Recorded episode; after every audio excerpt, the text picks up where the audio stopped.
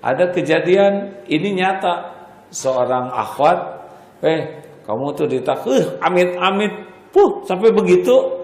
Sekarang sudah punya anak tiga dari yang lelaki yang dia sebelin nikah. Karena yang membulak-balik hati adalah Allah. Makanya hati-hati jangan suka sebel berlebihan, siapa tahu jodoh. Dan jangan terlalu suka berlebihan. Siapa tahu suatu saat mengecewakan. Berikut ini adalah teknik bagaimana bersikap kepada orang yang tidak menyenangkan kepada kita. Kalau ada orang yang tidak menyenangkan sikapnya, apakah nyinyir, berkata jelek, karena tingkatan keburukan tuh beragam. Ini yang baru dengan kata-kata dan tulisan, nyinyir lah ya. Satu, kalau ada orang yang nyinyir atau bersikap kurang baik kepada kita, yang pertama ini adalah ladang ilmu. Kita jadi tahu bahwa perilaku nyinyir itu jelek. Perilaku nyinyir itu bikin gak enak. Perilaku nyinyir itu akhlak yang tidak baik. Dengan ada yang nyinyir kepada kita, kita makin tahu bahwa perbuatan buruk ini tidak boleh kita lakukan. Jadi seperti dapat ilmu, oh nyinyir itu buruk sekali. Komentar-komentar buruk itu tidak menyenangkan, bikin gak enak. Berarti kalau saya melakukan nyinyir surinyir, pernyinyiran kepada orang lain, orang lain tidak akan enak, orang lain akan kecewa, orang lain akan sakit hati gara-gara kita dinyinyirin maka kita bertekad tidak mau melakukan kenyinyiran. Itu ada nggak bahasa Indonesia begitu? Pernyinyiran ini ya dia menyinyiri kita. Nah kita tidak boleh memberikan kenyinyiran. Jadi rumit begini. Pokoknya kalau ada yang nyinyir kepada kita itu ilmu. Kita tahu nyinyir itu buruk dan kita tidak mau melakukannya. Hal yang buruk itu tidak nyaman di dalam hati. Dua, yang kedua kalau ada yang melakukan nyinyir sulinyir kepada kita, ini adalah ladang evaluasi diri.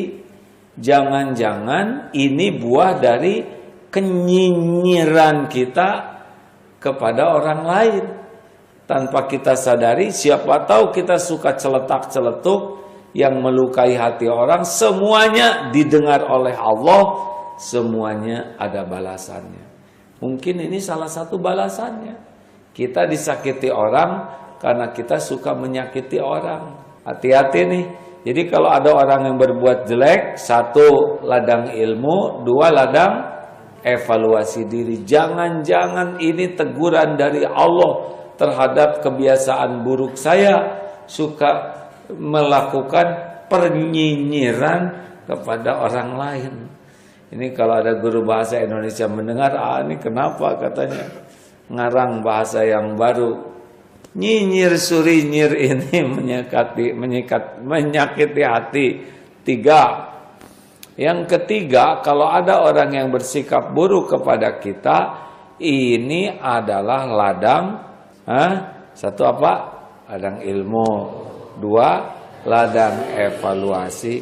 Yang ketiga, ladang ujian. Ilmu kita nih dipraktekan enggak? Selama ini kita tahu ilmu sabar. Nah sekarang kita ada uh, sparring partnernya mengetes ladang ujian, ngetes nih. Sabar tidak kita, ilmu yang kita peroleh selama ini bisa tidak dipraktekkan kayak ulangan. Kita kan belajar, kalau nggak ada ulangannya tidak terukur. Nah ini adalah untuk mengukur bagaimana ilmu yang kita pelajari selama ini dipraktekkan tidak oleh kita. Ladang ini ada, makanya harus bersyukur kalau ada yang nyinyirin karena ini bisa menjadi ladang ujian. Ujian itu penting. Kalau tidak ada ujian kita tidak naik derajat. Selanjutnya ladang apa lagi? Ladang riadoh. Oh, kita udah terukur, malah latihan. Bagaimana menyikapi, ah saya baru segini nih. Maka saya akan sikapi sikap buruk orang lain sebagai ladang mengamalkan ilmu yang ada. Karena kan ilmu tuh belum jadi apa-apa. Jadi apa-apanya tuh kalau ilmu tuh meningkatkan iman, ilmu itu meningkatkan amal. Apa artinya ilmu sholat kalau tidak sholat? Benar? Ilmu sholat itu manfaat kalau membuat kita jadi sholat.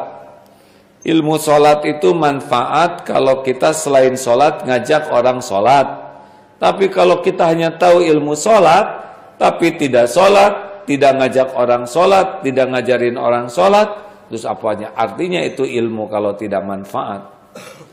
Makanya dengan adanya orang yang tidak suka kepada kita, itu jadi ladang bagi kita untuk latihan. Sesudah teruji, oh tingkatan saya gini, wah ini dia. Makanya yang terakhir ladang amal. Dia ngomong jelek, kita amalnya apa? Kita maafkan amal. Dia ngomong jelek, amal kita apa? Idfa billati hiya ahsan. Tolak keburukan dengan cara yang lebih baik, amal. Dia ngomong jelek, apalagi amal soleh buat kita selain memaafkan, mohonkan ampunan baginya. Ya Allah, ampuni sahabat saya ini. Kan begitu. Wastagfirlahum dan maaf maafkan lalu mohonkan ampunan bagi dia doakan kebaikan. Dia berbuat jelek, kita tetap berbuat baik. Contoh, berikan contoh kebaikan. Kalau dia ngomong jelek, kita ngomong jelek. Dia menghina, kita menghina. Dia membuka aib, kita buka aib. Kalau gitu, mau ngapain kita sekolah tinggi-tinggi? Kalau bisanya cuma meniru kejelekan orang lain. Mau apa kita belajar agama siang malam? Kalau ternyata bisanya cuma niru keburukan orang. Orang monyong, kita monyong, dia menghina, kita menghina. Nggak usah sekolah. Kalau cuma bisa kayak gitu. Belajar dan belajar agama makin tinggi berarti makin kita tahu apa yang harus kita lakukan. Jangan mau diatur oleh keburukan orang lain. Jangan mau diatur oleh sikap buruk, perkataan buruk orang. Dia ngomong buruk, itu pilihannya. Sudah ada balasannya sendiri di sisi Allah. Urusan kita adalah mulut kita, perkataan kita. Karena yang kembali kepada kita adalah apa yang kita lakukan.